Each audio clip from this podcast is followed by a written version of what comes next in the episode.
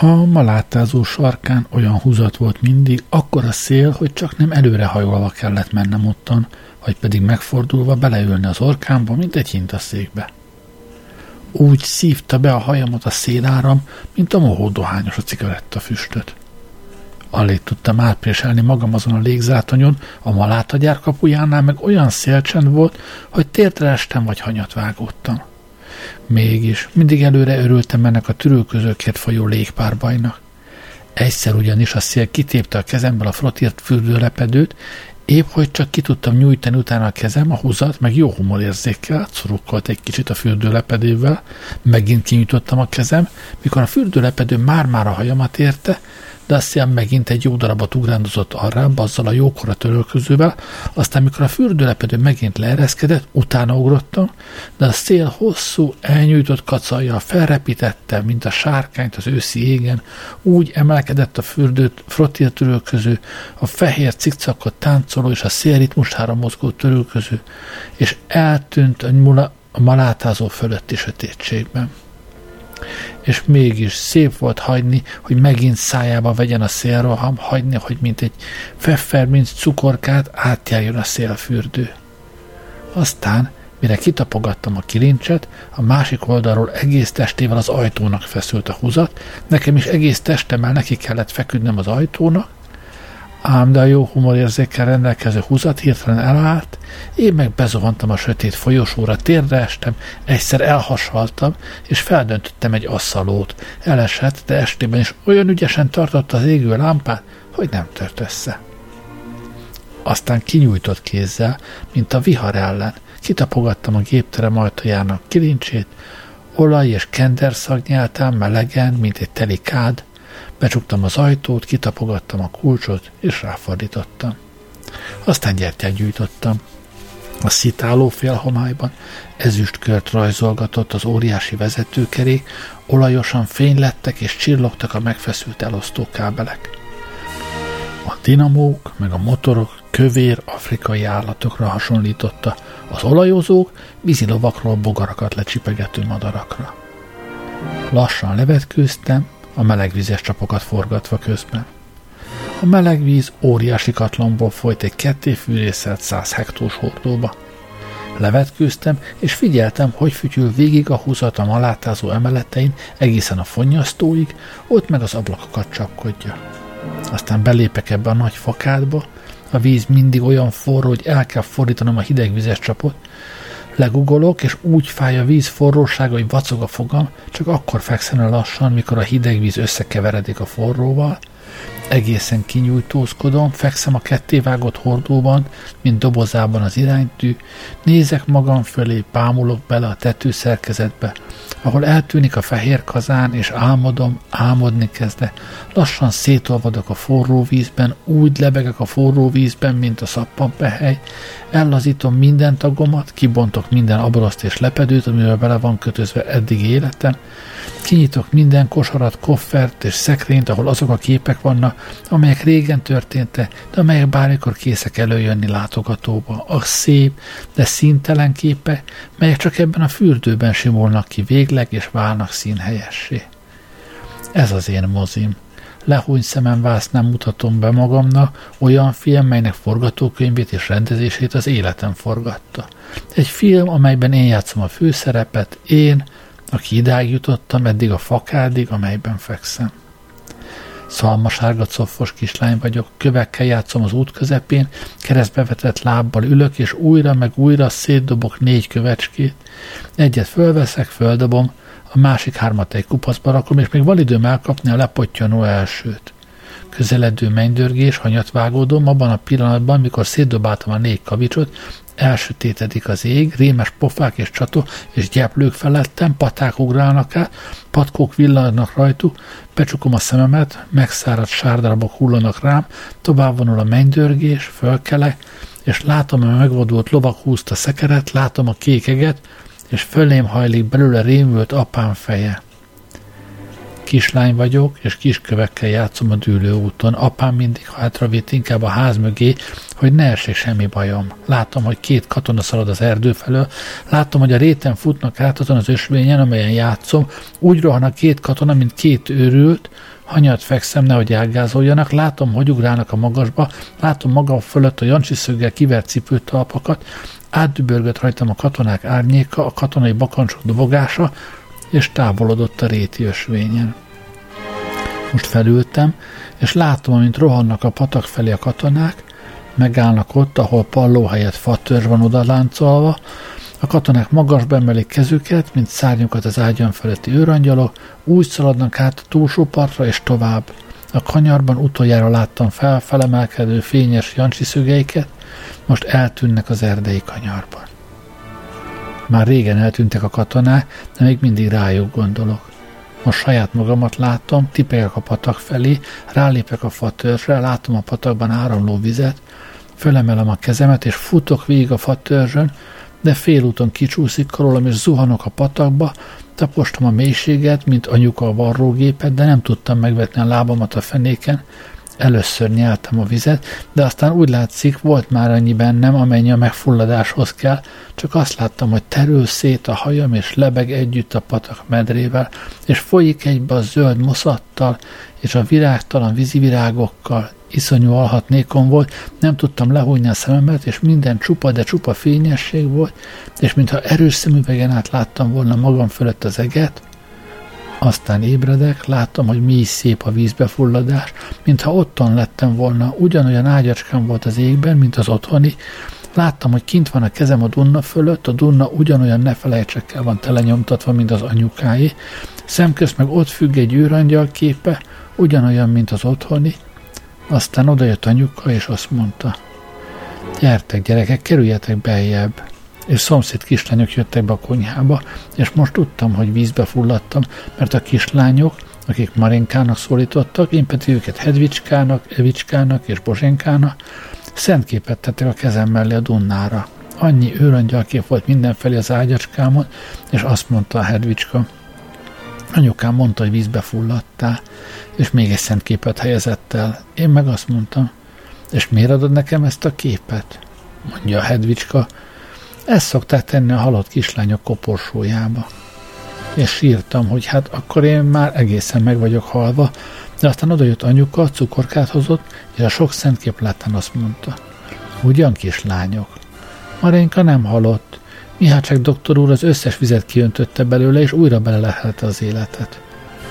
A kislányoknak megnyúlt az orruk, sajnálták, hogy nem lesz temetés, hogy nem haltam meg, mert már látták magukat fehér függönyruhában, mirtusszal díszített nagy égő templomi gyertyával a kezükben, és olyan szívszorongatóan fog játszani a részfúvós zene, és a kislányok ott lesznek a halottas menetben, és be lesz bodorítva a hajuk, és sírni fognak, mert vízbe fulladtam de most már lőttek a halottas menetnek, a sírásnak, mindennek az a két nőszemély az oka, akik ruhát jöttek öblíteni, és kihúztak és hazavittek.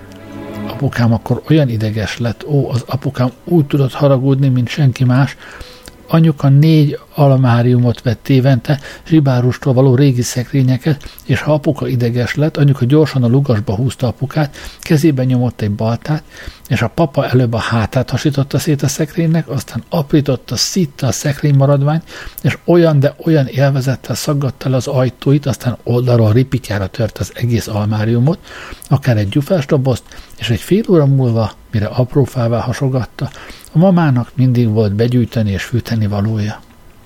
Hallottam, hogy kiabál, és dühöng a papa, hogy vízbe fulladtam, hogy mikor leszek végre jó kislány, mert más lányok nem tesznek ilyet, úgy megijedtem, kimásztam a dunna alól, felöltöztem és kiszaladtam az udvarra, ott állt egy teherautó, felhúzózkodtam rá hátul, ott állt egy hordó a kis ablaknál, bemásztam, meleg volt a hordóban, elaludtam, és mikor felébredtem, hallottam, hogy megy a teherautó, és hogy felálltam, láttam a kisablakon át, hogy már esteledik, és ott van mindjárt a kisablak mellett egy úr sapkája, oldalvás oda néztem, hát láttam, hogy a Brabec úr az, bedugtam a kezemet, megvakartam a Brabec urat a fülem mögött, és így szóltam, Brabec úr, én vagyok az. Roberts úr meg elengedte a volánt, aztán felordított, és az autó olyan hirtelen állt meg, hogy felborult a hordó, amiben válik benne voltam, és kigurultam a padlóra, onnan le a földre, és az országútról keltem fel, és a szoknyámat porolgattam. Roberts úr meg föl alá szaladgált, és kiabált, és toporzékolt, én meg azt mondtam, Roberts úr, tényleg én vagyok az. De Roberts úr nyöszörgött, és aztán összecsuklott, aztán, mikor megjöttek a csendőrök, betakarták a Brabec urat, de még az is kevés volt, az egyik csendőrnek majdnem mesztelenre kellett vetkőznie, és feküdt a Brabec úron, és melegítette, és mondta az őrszobán az egyik csendőr, hogy emberhalált okozhattam volna. Nekem meg eszembe jutott az apukám, és hogy megint szét fog vagdalni egy almáriumot, a csendőr leterítette egy bundát, fogott egy madzagot, és a lábamnál fogva az asztal lábához kötözött. Feküdtem és sírtam, Jancsi szöggel kivert bakans talpak kimbálóztak fölöttem, egymáson átvetett lábak, én meg a lábamnál fogva az asztalhoz kötve. Aztán elaludtam, és megjelent fölöttem apuka, két kezére támaszkodva térdelt, mintha a keze is láb volna, elkötözött az asztaltól, és amikor kézen fogva elvonszolt, úgy oda voltak a csendőrök, hogy apukám fogta a spárgát, és a nyakamra kötötte, és én elsírtam magam, és kiabáltam. Apuka, nem akartam, hogy föltessék akasztani. Nem akarok olyan sokáig haldokolni a kötélen. Ugyanis a kandúr elette apuka elől a májat, apuka fölakasztotta érte a macskát egy faágra, és a kandúr csak másnapra múlt ki. Apukám madzag végen vitt a vonathoz, és hazaérve úgy húzott maga után, mint egy borjút, és mindenkinek elmondta, hogy mivel nem vagyok jó kislány, pórázon kell vezetnie, mint egy harapós kutyust. Otthon apuka, mert anyuka, mint meglátta apukát, már nyújtotta és neki a baltát, azt vártam, hogy levágja a fejem, ahogy a pulykának szokta, de apuka mindjárt az almáriumra vetette magát, és egyetlen csapással betörte a hátsó felét, majd egyetlen ütéssel a testét, így oldalról úgy beszakította a szekrény maradványt, hogy egészen elfeküdt a földön, mint egy kartondoboz, ha széttapossák. Nyakik pácban, teljes egészenben szappanhabban hevere. Szappanozom magam, nem is tudva róla, az idő mélyén heverő képekre gondolok, és emlékezek az állandóan vissza-visszatérő, egyre élesebben kirajzolódó, egymás kiegészítő képekre. Hat éves kislány vagyok, hajam kibomolva, épp csak egy kicsit összefogva, kék masnikkal a fejem búbján. Egész év alatt egyetlen szekrény se vert már szét apuka miattam. Vasárnap dél van, egy terecskén sétálok, a nyitott ablakon át függönyök lengenek, evőeszköz és tányércsörgés hangzi. Ételszagot húz a légvonat, apuka tegnap matróz ruhácskát vett nekem, meg esernyőt, a díszkút előtt állok, aztán előre hajolva nézem a vízben tükröződő hajamat, Pénzdarabok csillognak a medence fenekén, nálunk ugyanis, ha valaki pénzt dob a kútba, teljesül egy kívánsága. A biztonság kedvéért két húszas dobtam a díszkútba, és azt kívántam, hogy soha többé ne fulladjak vízbe, soha ne szökjek el hazúról, hogy végre jó kislány legyek. Kivált, mert ilyen szép ruhát és esernyőt vett nekem apuka. Egy lendülettel fenn voltam a kút káváján, hogy jobban lássam, hogy illik rám a matróz blues, körülnéztem, nem jött senki, nem nézett senki az ablakból, hogy megmondjon apukának, felugrottam a kútra, és előre hajolva megláttam azt a gyönyörű rakott szoknyát, fehér zoknit és lakcipőt, megráztam a hajam, és ahogy megint megnéztem magam a víztükörben, átbillentem, és beleestem a medencébe. Elnyelt a víz, mint egy nagy hal, ha kis halat nyel le, megint az alját kerestem a lakcipőmmel, de a kút mélyebb volt, mint amilyen magas, mint amilyen magas én voltam, megint felbukkantam levegőt venni, de féltem segítséget kiabálni, mert haragudott volna apuka, Nyeldestem az örök életet adó vizet, és újra fényes és édes világ vett körül, mintha mézbe esett méhecske volnék. Láttam, hogy süllyed lassan a medence aljáig a fejem, szemem mellett láttam azt a húsz krajcárost, amit kútba dobtam, azt kívánva, hogy soha többé ne fulladjak vízbe, oly méltóság teljesen terült szét a szoknyám, hajam elfolyt az arcom előtt, és olyan lassan és méltóság teljesen úszott vissza megint, aztán aludhatnékam támadt, és csak lassan mozgattam a lábam, sokkal lassabban, mint a mama a varrógépen, és utoljára láttam, hogy szállnak fel a buborékok a számból, mint a szódás vagy ásványvizes üveg lennék, de megint nem fulladtam bele a vízbe. Egy néni látott, a Krezenszkiné, aki tíz évig járt tolókocsin és gyomorfekéje volt, az nézett kép az ablakon, épp amikor beleeste, és a pokornyi fényképészúr szaladt oda egyedül, és késsel villával a kezében, szalvétával a nyakában ugrott utána, és kihúzott, a diszkút lépcsőjén ébredtem föl. Olyan volt, mintha esne az eső, Fogtam az esernyőt és kinyitottam, de közben sütött a déli nap, és a déli harangszó utolsó hangjai szálltak a levegőbe. Pokornyi úr felváltva fenyegetett a villával meg a késsel, hogy a kihűl az ebédje, velem gyűlik meg a baja, mert egy rendes kislány, ha vízbe akar fulladni, akkor azt idejében elintézi, nem pedig pont délben, amikor az első libácska van az asztalon. Én meg körülnéztem, minden ablakban ott álltak a polgártársak, ingben, mellényben, mindnek villa volt az egyik kezében, és kés a másikban, és mind lefelé nézett én rám, és mind savanyú képet vágott, és mutatta, hogy a legszívesebben a villájukra tűznének, és késükkel szétvagdalnának. Aztán felkeltem, és annyi víz budjant ki belőlem, hogy azt hittem felhőszakadás van. Meghajoltam, nem mintha gúnyolódni akartam volna, hanem hogy elismerem, hogy ezt nem kellett volna, épp amikor először van vasárnap délben sült liba. Most a sörgyári kádban fekszem, ebben a kettészel száz hektós hordóban valaki megy fel a széliről a személyzeti szobába, ahol Pepin bácsi is lakik, és felhangzik a személyzeti szobából írtuzatos üvöltése.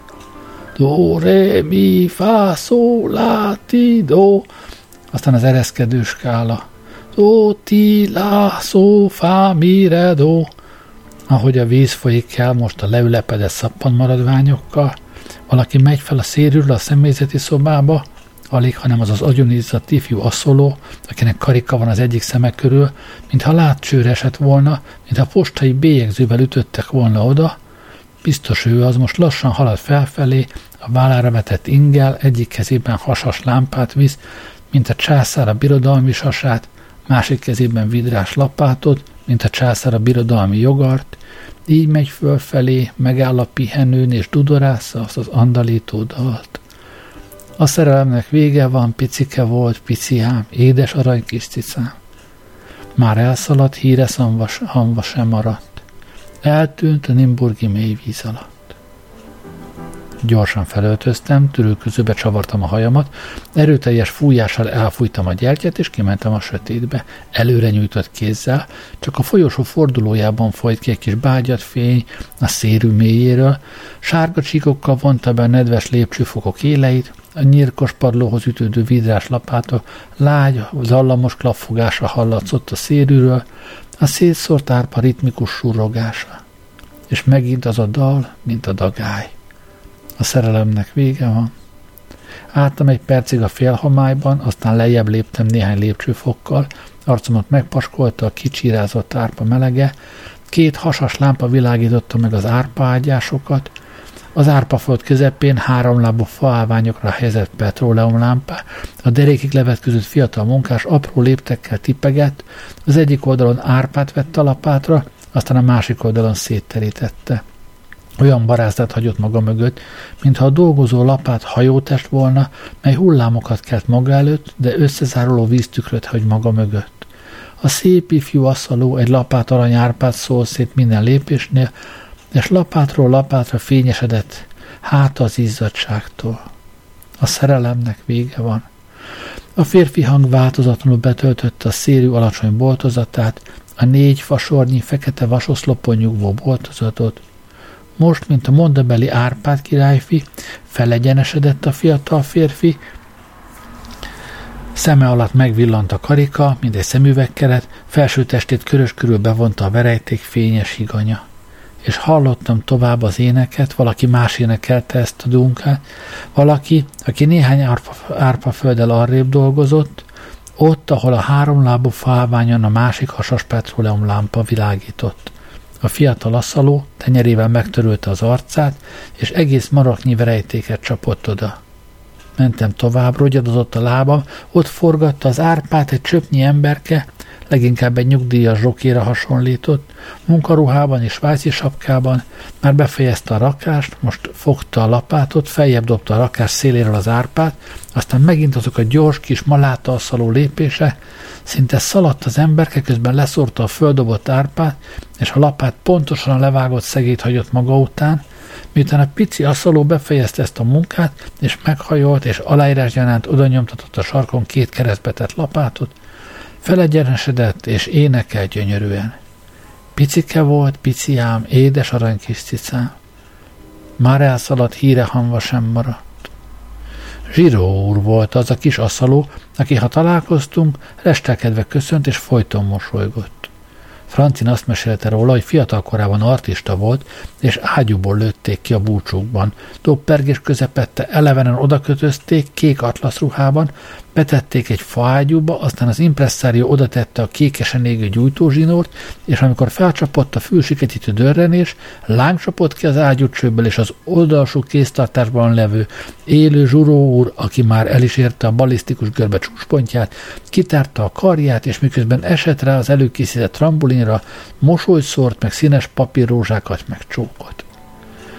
Leszállván felugrott, Rugózott a trambolinen, és hajlongott, és fogadta a tapsokat minden búcsúban, minden őszi vigasságon. Egyszer megtöltötték az ágyút a Jurotka úrral, és amikor kilőtték, és elérte a görbe csúcspontját, széttálta a karját, és fejjel lefelé estében látta, hogy már rég elkerült a trambolint, hogy az ütés is erősebb volt az ágyutalban, mint bármikor máskor, mégis mosolygott és mosolyszórt, és színes papírrózsákat és csókot, és közvetlenül utána összetörte magát a kerítés mögött egy farakáson. Miután egy évre rá összefoltozták, nem akart többé mosolyt meg rózsát szórni. Kivonta magát az artista életből, mint egy érvénytelen bankjegyet, és miut egészen talpra állt, már nyolcadik éve a sörgyárban dolgozik, mint maláta a szaló. A szerelemnek vége van, picike volt, pici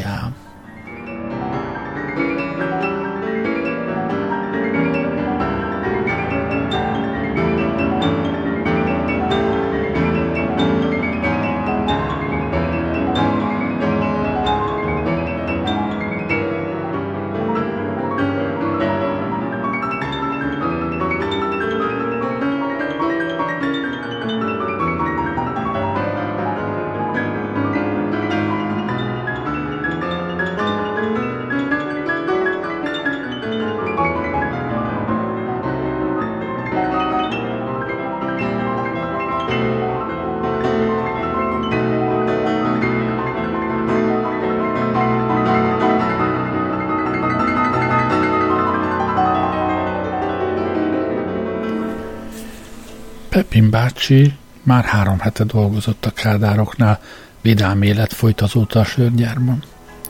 Ha tehettem, fogtam a cefrés vödröket, és nekivágtam a sörgyárudvarna, a serfőzőmester helyettes úrkutatóan nézett rám, kihozzon egy nagy üveg sört, bólintottam, és miközben cefrét szedtem a kocsiról a vödörbe, a kádárok uzsonnázta. Pepin bácsi hanyat feküdt, üres, negyed hektós hordóval a mellén, a kádárok majd megszakadtak röhögtükben, zsíros kenyérmorzsák szaladtak a torkukra, Pepin bácsi meg énekelt.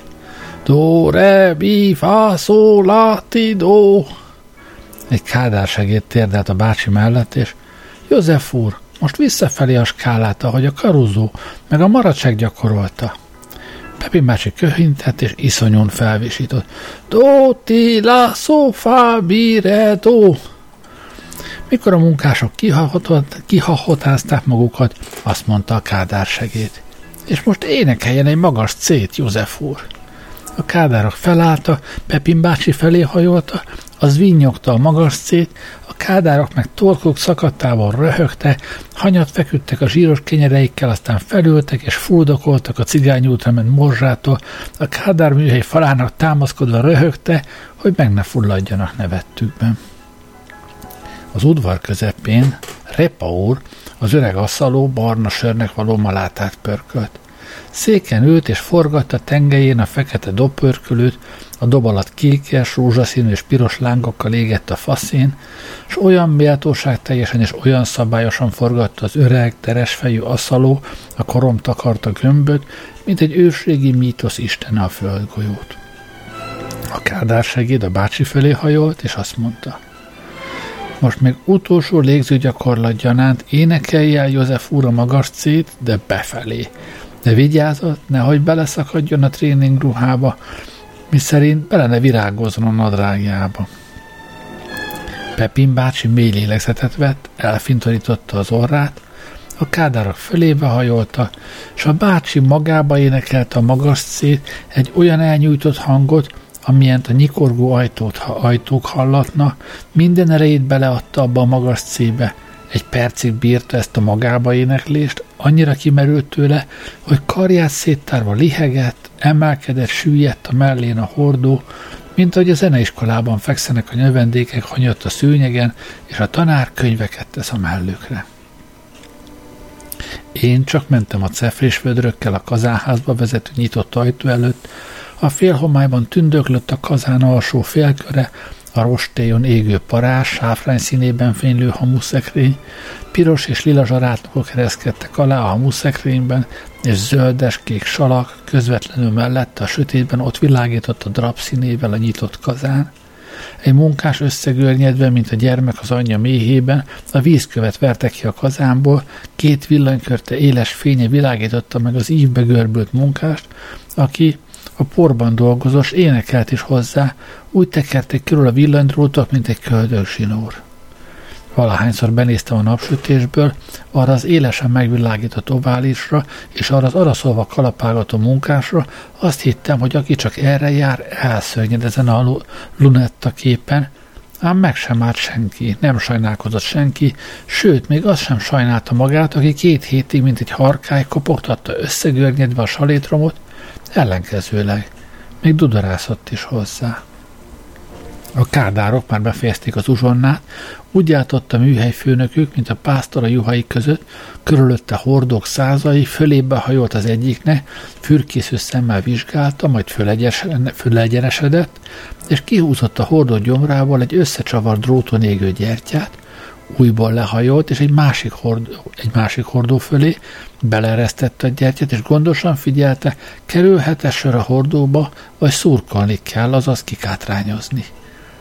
Pepin bácsi az óriási kájha mellett állt, és antracittal meg kokszal rakta. Fűtött a szurok alá, már tompán dübörgött a kájha, és a rövid körbe füstcsőből kékkel beszegett piros tűz lövelt kis isterekbe, sziszegő zöld koronával díszített lángok, mint a forrasztó lámpa lángja, amivel felolvasztjuk a befagyasztott könyökcsöveket, vagy leégetik a régi festést. A kocsisok nedves sörös hordókkal rakták a szekereket, hordták ki a jégbocskákat. A serfőzőmester helyettes úr átadott egy pin narancsszínű sört, egy telepint lecsapódott gőzcseppet. Én meg tudtam, hogy a serfőzőmester helyettes úr nem szeret, és nem egy, hanem öt pincsört is adna, meg még többet is, csak bár meginnám, és látnak a munkások, milyen részegeskedésre hajlamos felesége van a gondnok úrnak, csak hogy fiatal voltam, és így mindenem felül álltam, bármit csináltam is. Előbb mindig csak magamat kérdeztem meg, jól van-e úgy, és mindig bolintottam magamban, és ez az én belső bolintásom annak a tanítómnak egy intése, aki itt volt valahol bennem a szívemnél. Ez a helyeslés mindjárt a vérembe ivódott, és a kezem kinyúlt, és jót húztam belőle olyan élvezettel, hogy a hordókat felrakó kocsisoknak megállt a keze, és engem néztek. Így álltam a rámpánál a lovak mellett, edével és karéval, mintha megértettük volna egymást. Sörényüknek és hatalmas farkuknak is sörszíne volt. A sörgyárudvar közepén az öreg repa most kihúzta a tengelyt, szakértő szemmel megnézte a pörkölt malátát, és bólintott, meghúzta a fogantyút, és a görgőkön a parázson túl a csúsztatta a fekete gömböt, egy kis kalapáccsal óvatosan kilacította az árat, elfordította a kalantyút, és ömlött a fekete rostére a forró, pörkölt maláta, és szétfröccsent a maláta illata, most már biztos kiért a térre, és a járókelők a sörgyár felé fordulna, amelynek közepén elégedetten dünnyög az öreg aszaló, és közben fekete kaparóval kaparja a pörkölt malátát. Pepin bácsi a szurokkemencénél állt, és rám mosolygott. Bőrkötény volt rajta, tompán dübörgött mögött a kemence, úgy át volt forrosódva, majd felröppent, mint valami vernéből való fantasztikus rakéta. Olyan iszonyúan szép volt ez a Pepin bácsi mögött sziszegő láng, Hogy fölül, körülnéztem, de nem csodálta senki ezt a parádét. Jött a Kádár műhelyfőnő, és elkezdte leereszteni a pallón a Pepin bácsi lába elé a hordókat. Pepin bácsi mindegyiket megfogta, a térdére dobta, aztán ráültette a szórófejre, és megnyomott egy lábpedált, és a hordóba belefröccsent a forrásban levő szurok. Pepin bácsi leemelte a hordót, és szabad esésben elengedte, és a hordó lassan elgurult, és a töltőnyílásból kékes füst folyt ki, és kék masnit vont a hordó köré, mint amikor a rabbi a karjára csavarja a szent szíjakat, és amikor lent megállt a hordó, egy kádársegéd megfogta, vagy egy rúgással beirányította, és a hordó ráült a sánc forgó tengelyére, egyik hordó a másik után, most minden hordó, hordó forgott, és úgy vette körül őket a kék füst, mint az a karika, amely a szent férfiak feje körül rugózik. Néztem, és mint mindig, ha tűzzel végzett munkát, munkát figyele, szomjas lettem. A szájpadlásomhoz ragadt a nyelvem, és nyál helyett csak olyan cigaretta papírok voltak a számban. Fölemeltem a pintet, és megijedtem. A pint majdnem fölrepült. Azt hittem, hogy még nehéz lesz a sörtől, de könnyű volt, mert már megittam belőle a sört.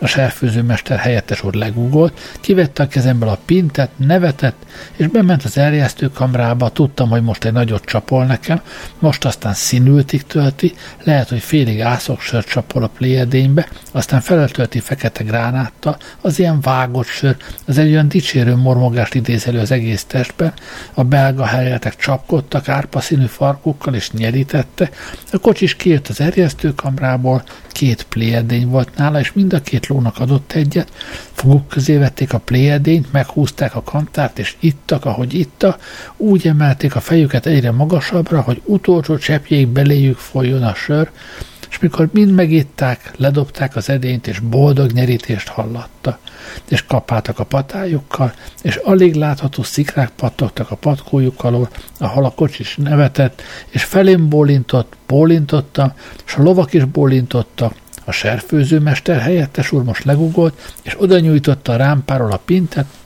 megszagoltam a habját, és bólintottam, és Pepin bácsi dalra zendített. Ó, ti hársfák, ó, ti hársfák!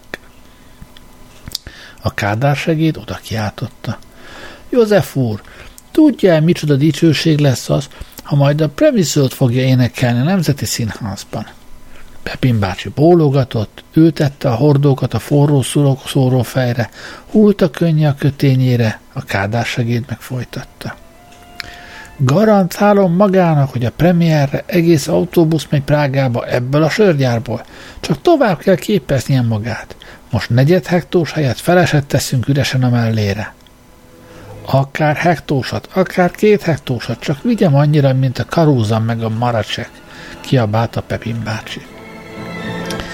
Ez muter, mondtam már a pléjedénybe, aztán megszívtam, és lassan elfolytva a vágyat, hogy az egész pintet magamba öntsem, apránként és édes élvezettel hörpöltem a fekete gránáttal kevert világos ászoksört, a mutert, ahogy a sörgyáriak nevezték, lassan és finoman iszogattam. Ugyanúgy, ahogy nyári alkonyaton, valahol ott a sörgyár mögött, a rostáblák közötti dűlőutakon ül valaki, és fújdogál csak úgy magának egy bánatos dalt a szántkürtjén, lehúny szemmel, és a villogó hangszer remegésével és reszketésével a sárga részkezeiben enyhén hátrahajtott fejjel csak úgy bele az estébe saját magának játszogatja a bánatos dalt.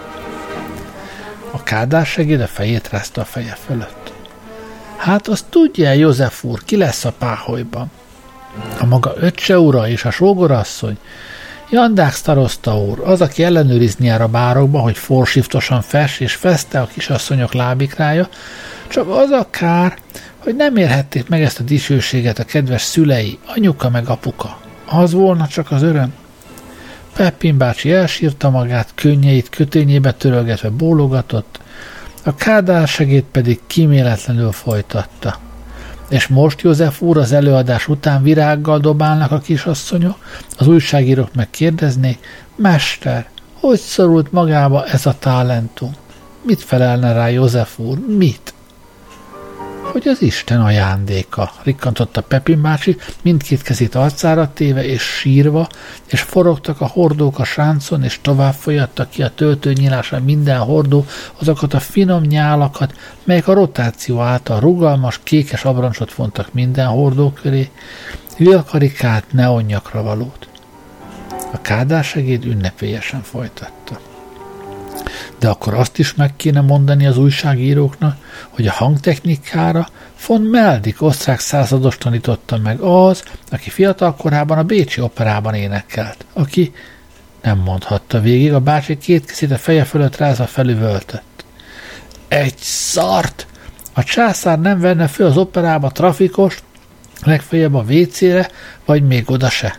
Vár csak, Meldik, csak menjek el a trafikod előtt, kapsz egy balegyenest a kis ablakon át. Kádár segéd megfordította a hordót, fogta és kúszott fel a füst a mellér, és az arca körül lebegett, és a Kádár kiabált. Csak hogy a Meldik azt mondta, hogy ha meglát, oda lesz készítve a bors, és ha lehajolsz, a szemedbe fújja, meg azt mondta a Meldik, mit mondott, mit? üvöltötte Pepin bácsi. Meldik úr csak kiszalad, és azt tehet majd veled, amit akar. Azt mondja, hogy beléd hogy idáig repülsz a sörgyárig, kockáztatta meg a kádár segéd. Micsoda? Engem, egy osztrák katonát, akiből sarsit csinálta, és nem fogadta el? Engem, aki a századosnak hordtam a kardot? Hát ezt majd megnézzük magunknak. Ha én egyszer oda megyek a trafikho, úgy, ahogy van, belefordítom az elbába. Kiabált a bácsi, fogta a hordót és fellendítette a térdével, és hogy irányomta a szórófejre, nem ment bele a töltőnyílásba.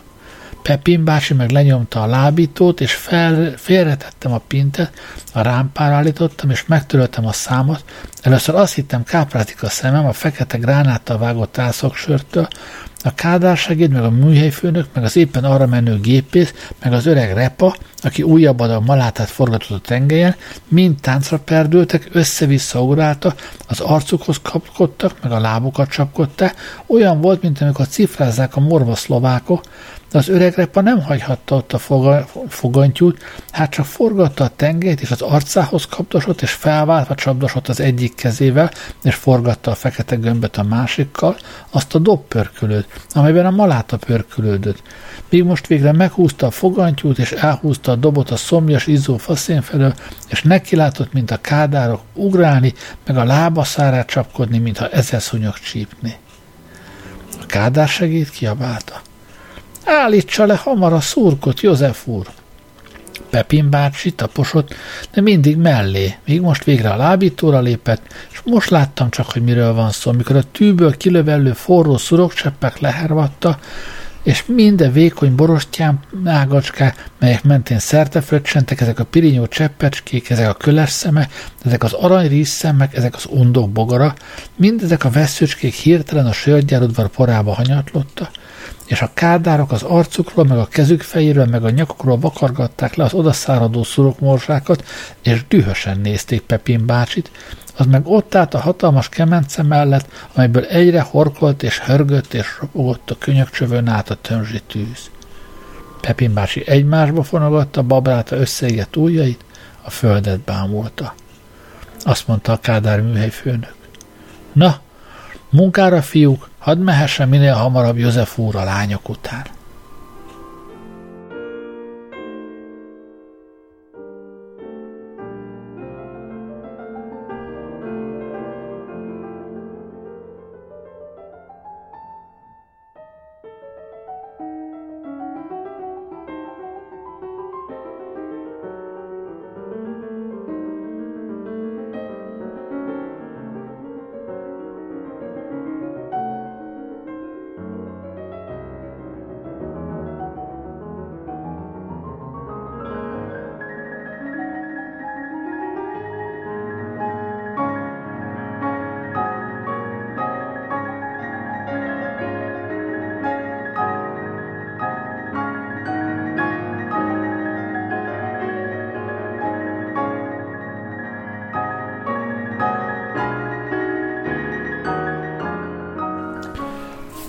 Az a divat a Herceg Hotelban kezdődött.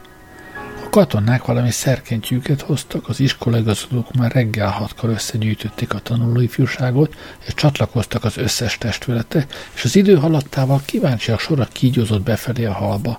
A katonák olyan kagylót tettek minden polgártás fülére, mint amilyen a telefonon van, és korgás hangzott fel a hallgatókban, aztán zene, folyton az, hogy Colin, Colin, de csöppet se volt szép az a zene, olyan volt, mintha agyonnyúzott gramofon, gramofon lemezről szólna, csak hogy ezt a zenét Prágában játszották, és a levegőn át drót nélkül úgy fűződött be a kagyló fokán, mint a cérna egészen a mi városunkig. És aki már hallotta, az mind úgy ment ki a hotel hátsó bejáratán, hogy egészen el volt kábulva ettől a hallástól, attól, hogy nincs drót, ami idehozná a Kolini rezervbandáját, és mindenki haladt előre az állampolgárok sorában, abban a sorban, amely átkígyózott az egész téren, egészen a főutcáig, el egészen Szvoboda úr pékségéig, és aki még nem hallotta a rádiót, és látta, milyen átszellemült és csodálkozó arccal jönnek ki azok, akiknek már megadatott a forradalmi találmányjal való találkozás, az mind egyre jobban örült, ahogy haladt előre a sorban, meg kígyózott befelé a Herceg Hotelba.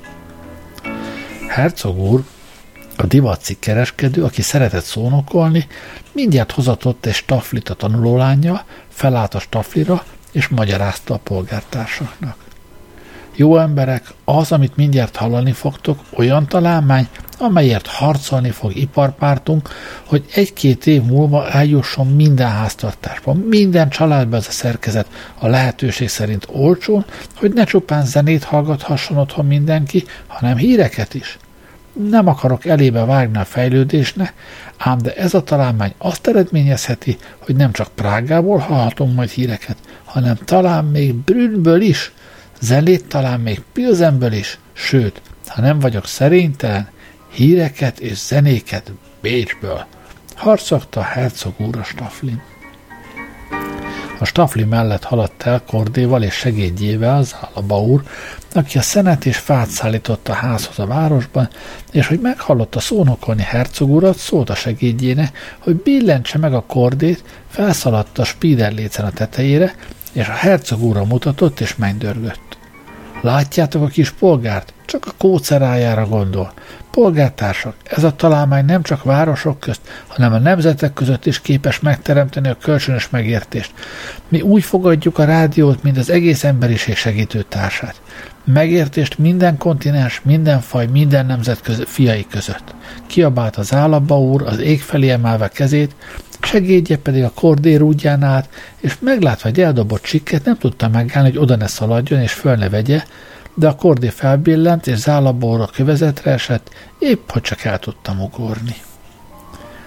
Amint meghallottam a prágai rezes banda és a herceg hotelbeli fülem közötti megrövidített távolságot, mindjárt hazakarikáztam, levetettem a szoknyámat és az asztalra tettem, fogtam egy ollót és térmagasságban levágtam az anyagot, annyi maradt, hogy gondoltam magamban, a varrónő bolerót csinál belőle. Mindjárt fogtam egy tűt, beendliztem a szoknyát, és szinte lázasan húztam föl, mindjárt beléptem a tükörbe, és ott, lett, ott láttam – Tíz évet fiatalodtam attól a távolságrövidüléstől. Megfordultam, és mindjárt láttam, hogy a harisnyakötőnek sokkal magasabban kell lennie. Egészen határozottan láttam, hogy most szép csak igazán a lábam, és hogy a szép árnyékok a térd alatti inak között az Istennek azok a barna új nagy meglepetés, lelkesedés lesznek képesek kiváltani. De a polgárok nagy felháborodás, felháborodását is, és főleg a francinét, aki ha meglát így, a feje búbjáig elpirul, és kijelenti, hogy egy rendes nő nem hordja így a szoknyát. Kiszaladtam az udvarra, felugrottam a biciklire, és kimentem a sörgyárból a kereszthez.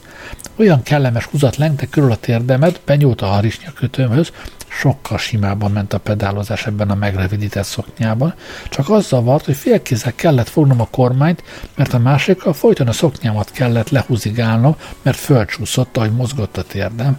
Most Krováterből jövő országút felől fölbokkant Kropácsek úr egy indián motoron. Kropácsek, mint mindig, az oldalkocsiban ült, és fél lábbal kormányozott, és félkézzel adagolta a gázt. Szerettem nézni, mikor berúgta a motort a sörgyárban, ahogy elindult, mert ült is át az ülésből az oldalkocsiba, szétterpesztette a lábát, és két oldalt kirakta, mint a fürdőkádban. Úgy ment kényelmesen hazafelé. Szóval a kropacsek ura, hogy ránézett a kanyarban a mesztelem térdemre, elfelejtett kormányozni, és beszaladt egy cseresznyéskertbe. Abban egy jó jelet láttam, és hajtottam át a hídon, és csak a Herceg Hotelnál lassítottam, lassan haladtam el a találmányra váró sor mellett, mely találmányról kukkaigazgató kijelentette, nem tudom, nem tudom, de ez a szerkezet nem hozza meg a boldogságot az embereknek és mintha senki nem örült volna annak, ami a Herceg Hotelben várt rá, az én térdemre koncentráltak, az én megrövidített szoknyámra, senki sem nézett többé a hotel bejárata felé, utána fordulta, Krupka igazgató úr rámutatott az esernyőjével, és azt mondta az esperes úrnak, íme az első következmények. De az esperes úr meghajolt előttem, és azt mondta, a gömbölyű női tér a Szentlélek másik neve. Megálltam a cukrászat előtt, mielőtt letettem volna a lábam a kövezetre, összefogtam a hajamat, hogy ne gabajodjon bele a drótokba, falnak támasztottam a biciklit, és ahogy a járdán mentem, az volt az érzésem, hogy fürdőruhában vagyok. A cukrászatban becsomagoltattam Navratil úrral négy krémrolót, egyet kivettem és előrehajoltam, nehogy a blúzomra szólódjon a leveles tészta, és amint muhon a számba toltam a krémrolót, mindjárt hallottam a francia hangját, hogy egy rendes nő így nem eszik krémrolót. Navratil úr óvatosan mosolygott, mert nem volt foga, a kirakat mellett álltam, csak hadd lássák a nők a sötét boltból a sziluettemet. Navratil úr átadta a kék spárgával átkötött csomagot, Fizettem, és Navratil úr kinyitott előttem az ajtót, és megfogta a hajamat az induláshoz, futott egy kicsit mellettem, míg el nem tudta kapni a hajamat a légáram. Teljes erőből tapostam a pedált, félkézzel kormányoltam, a másikban azt az édes csomagot tartottam, és felfelemelkedett mögöttem a hajam, úgy, ahogy gőzmozdony regulátor, regulátornak emelkednek fel azok a szép sárgarész gömbjei, ha növeli a fordulatszámot. Látszólag folyvást az út közepét néztem, de mindkét járdán láttam az emberi szemeket, az emberi szemek minden fajtáját, a csodáló szemeket, és azokat a pillantásokat, melyeket gyűlölettel vetettek térdemre, melyek felváltva emelkedtek föl, mint a bügykös tengely csuklói. És amikor a sörgyárba értem, mindjárt az istálókhoz mentem, szaladt elében Mucse, a jó kiskutya, csóválta hosszú farkát, mikor lehajoltam, szemét behújva nyalta a kezem, én pedig bementem a fészerbe a kisbaltáért, kibontottam a csomagot, és kínáltam Muceknak a krémrolót. Először nem hitt el, de látva, hogy nevete, neki látott a krémrolónak, én meg azon morfondíroztam, mennyit kéne levágnom a mucek farkából. Mögé állítottam egy tuskót, megfogtam a mucek farkát, és a tuskóra tettem, de mucek megfordult, erre megsimogattam, és adtam neki még egy krémrolót. Csak tejfészi habos pofával megnyalta a kezemet baltanyelestől, és nekilátott a második krémrolónak, és megigazítottam a hasában a mucek farkát, és egyetlen csapással levágtam a hosszabbik felét. Muceknak elakadt a lélegzete, a krémroló fele benne volt, de a farkában a fájdalom alig, hanem olyan nagy volt, hogy Mucek vonitárban tört ki, és forgolódott, és cukorhabba teli pofával kapkodott a farokcsonkja után, folyt belőle a vér. Mucek azt hitte, hogy valaki más volt az, nem én. Váltakozva nyaldosta a kezemet és a farokmaradványt, simogattam és vigasztaltam. Mucicek, egy pillanat az egész, hanem aztán szép fiú leszel, ez a divat. Ennek meg kell lennie, ide néz. Felegyenesedtem, és megmutattam neki, hogy nekem is meg van rövidítve a szoknyám, de Mucek iszonyú sírásba fogott, és láttam, hogy keveset vágtam le abból a farkincából, le kéne vágnom még egy darabot, de Mucek hallani sem akart már rövidítésről. Oda tartottam a farkát a tuskóra, ígértem, hogy az összes krémrolót nekiadom, és még veszek neki, de Mucek kitépte magát a kezem közül, szájába vette a levágott farokmaradványt, és futott vele az irodába, és ha jöttek kifelé a kocsisok, beszaladt a könyvelésbe. Következő pillanatban Francin szaladt ki az irodából, egyik kezében hármas számú redisztollal, másikban a farok darabbal. Mucek az utolsó lépcsőfokról ugatott a fészer és az ólak irányában, ahonnan biciklin közeledtem, és mikor az iroda elé értem, behajtott a sörgyárba a runtorát doktor úr. Az elnök úr csődörének már le volt vágva a farka és megnyírva a sörénye. A doktor úr leugrott a bakról, odadobta a gyeplőt a kocsisnak, a szoknyámra nézett és kijelentette. Minden le lesz rövidítve, és egyelőre nem látni a folyamat végét. Szóval, gondnok úr, lerövidítjük a munkaidőt, a jövő héttől felére rövidül a szombat, vagyis 12-ig tart a munka. A vendéglősök közti távolságokat úgy rövidítjük le, hogy utánuk megyünk. Eladjuk a maga Orionját, és veszünk egy autót, az lerövidíti az időt, és meghosszabbítja a teret a nagyobb sör felvásárlás számára. Iván, kiáltott Gruntorád Urakovics kocsisra, adja ide a dobozomat, hadd kötözzük be a kutyust, hogy elálljon a vérzés. Ezen a délutánon Francin bement Prágába az Orionján. Kihasználtam az alkalmat, és munka után bementem a Pepin bácsihoz a személyzeti szobába. A felgyújtott lámpa alatt Pepin bácsi éppen kezet emelt egy óriás termetű sörgyári munkásra, aki térdepelt, és így volt épp akkora, mint az álló Pepin bácsi, ám de a bácsi fenyegető arcot vágott és üvöltött. És ha nem tudok uralkodni magamon? És ha behúzok egy olyan osztravait? Az óriás termetű munkás kezét összekulcsolva könyörgött. József úr, ne juttassa özvességre a feleségemet és árvaságra a gyerekeimet. A körben álló sörgyáriak csendesen nevette, akik nem bírták tovább, kiszaladtak a folyosóra, és ott álltak arccal a falnak fordulva, és ököllel verték a vakolatot, és hörögtek nevettükben. Mikor kifújdokolták magukat, berohantak a személyzeti szobába. Pepin bácsi terpezben állt a villanykört alatt, és kiabált. Most pedig lássuk, ki az erősebb. Rávetette magát az óriás termetű munkásra, az hagyta magát, Pepin bácsi beadott neki egy názont, aztán megpróbálta két vára fektetni a munkást, de a munkás felegyenesedett és fellökte a bácsit és ráfeküdt. Mindenki kiabált és tapsolt körülöttük, de Pepin bácsi nyakon ragadta a munkást, az már-már hagyta magát lassan két vára fektetni, de az utolsó pillanatban feltérdelt, a bácsi beadott neki dupla nelzont, a munkás felegyenesedett, és vitte körbe a bácsit a szobán úgy, mint egy kisgyereket, de Pepén bácsi lelkesen kiabált. Én elsőprő győzelmet akarok, mint Fincseszki. A munkás megint letérdelt, és bácsistól bukfencet vetett, csak most vettem észre, hogy mindkét birkozó hosszú, fehér alsó nadrágban van, a bokájuk ígér, és a bokájuknál zsinórral meg van kötve. Az óriás sörgyári munkás, ahogy bukfencet vetett, ráfeküdt Pepin bácsira, a fején feküdt, de a bácsi ezt kiabálta. Adja fő, hiába minden, vasmarokkal fogom magát. De az óriás sörgyári fölemeljen egyenesedett, elkapta Pepin bácsit a bokájánál meg a nyakánál, megforgatta, aztán lerogyott vele, és Pepin bácsi üvöltött. Most jól odavágtam, mint Fritenszki a négert. A munkás elgyengült, Pepin bácsi vállon ragadta, mire a munkás nem bírta tovább nevetés nélkül, és nevetett, és csorgott a könnye, a bácsi két vára fektette, a manátamester úr pedig letérdelt és bejelentette.